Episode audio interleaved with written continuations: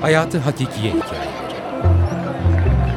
Türkiye hikayelerini radyoda anlatıyor.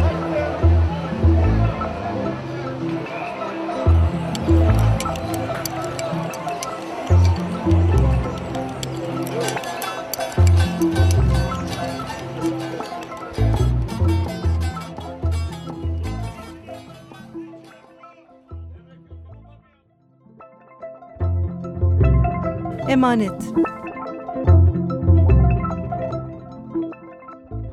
Çağın modasına uygun apartman olmaya aday iki katlı bir ev. Oyuncular evin kızları. Ev talan edilmiş, eşyalar kırık camlar gibi etrafa saçılmış. Herkes telaş içinde, ben de oradan oraya koşturuyorum. Kiler dediğimiz boş odada bir yüklük var. Dolap kapağının altında ise ikinci bir bölüm daha.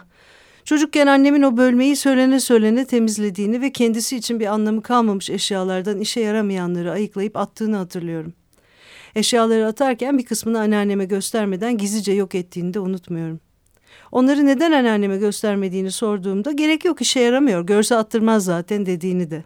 Bir gün annemin dolabın alt tarafından sedefleri yer yer dökülmüş, kilidi kırılmış ve bir kulpu eksik küçük bir sandığı çekiştirerek çıkarttığını görüyorum. Dökülen sedeflerden kalan boşluğun keskin uçları annemin elini kesiyor. O uzaklaşınca ben sandıkla baş başa kalıyorum. İçimde tanımlayamadığım bir heyecan ve ondan daha da baskın olan bir hüzün var. Yaşımın belleğinde saklanan bir hüzün bu. Ah keşke bana ait bir evim olsa da bu sandığı küçük olduğu için kendi aramızda çekmece dediğimiz bu kutuyu yanımda götürebilseydim diye düşünüyorum. Çünkü annem sandığı çöpe atmak konusunda kararlı görünüyor. O sırada terliğini sürüye sürüye gelen anneannemin titreyen sesiyle irkiliyorum. Ne kalmış ki içinde her şeyi attılar zaten diyor. Sonra yanıma oturuyor. Bir mabedin kapısından içeri girer gibi usulca kapağını açtığımız sandıktan alışık olmadığım ama eski zamana ait bir güzelliği hissettiren bir koku yayılıyor etrafa. Sanki geçmiş önümüzde açılmış gibi etrafımız aydınlanıyor. Küçük zarf içinde sararmış fotoğraflar, küçük teneke kutuların içinde adını sonradan öğrendiğim zerdeçal, zencefil ve havlican kökleri çıkıyor. Onları usulca alıp yeleğinin cebine saklayan anneannem bir başka kutudan el şeklinde gümüş bir yaka iğnesi çıkarıyor. Bu gümüş elin işaret parmağı ile baş parmağı arasında kor gibi parlayan bir mercan top var. İğneyi bana uzatıyor. İster misin diye soruyor bakışlarıyla. İlk gördüğüm andan itibaren beni büyüleyen yaka iğnesini alıyorum. Bluzuma iliştiriyorum ve heyecanla koşarak dışarı çıkıyorum. Beni öyle gören teyzem Aliye bacı olmuşsun diye dalga geçiyor. Aliye bacı bizim şehirde herkesin bildiği biri. Tedavi olduğu hastaneden çıktıktan sonra gidecek yeri olmadığı için sağda solda kedileriyle yaşayan bir kadın. Ne bulursa takan, boynunda onlarca kolye, kolunda bir sürü bilezikle gezen bir gariban o. Çok takıp takıştırdığımız zamanlarda bizi de ona benzetirler hep. Gülüp geçiyorum teyzemin benzetmesini. Asıl derdim anneannemin yanına dönmek.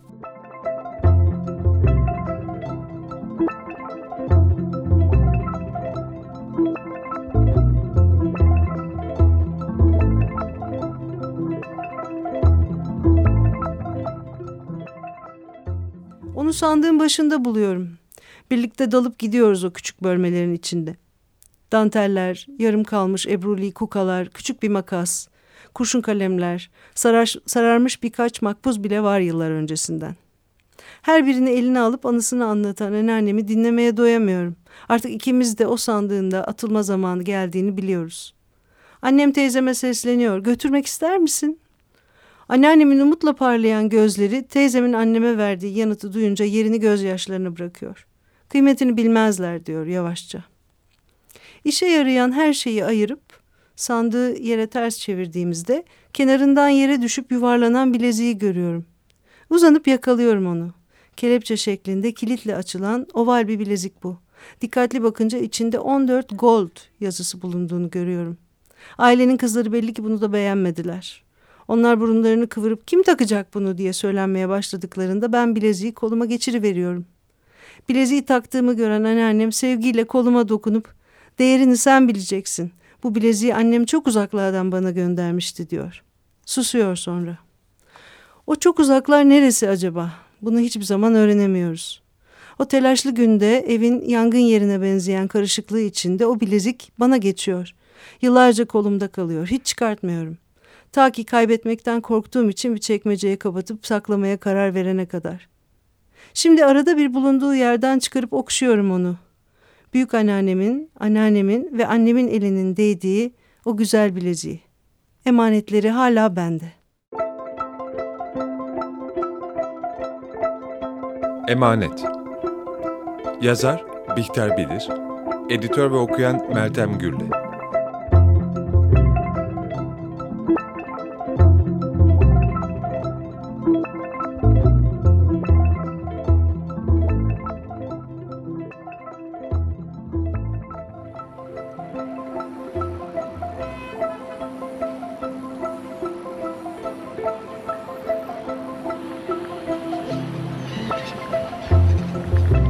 Hayatı Hakikiye Hikayeleri. Türkiye Hikayelerini Radyo'da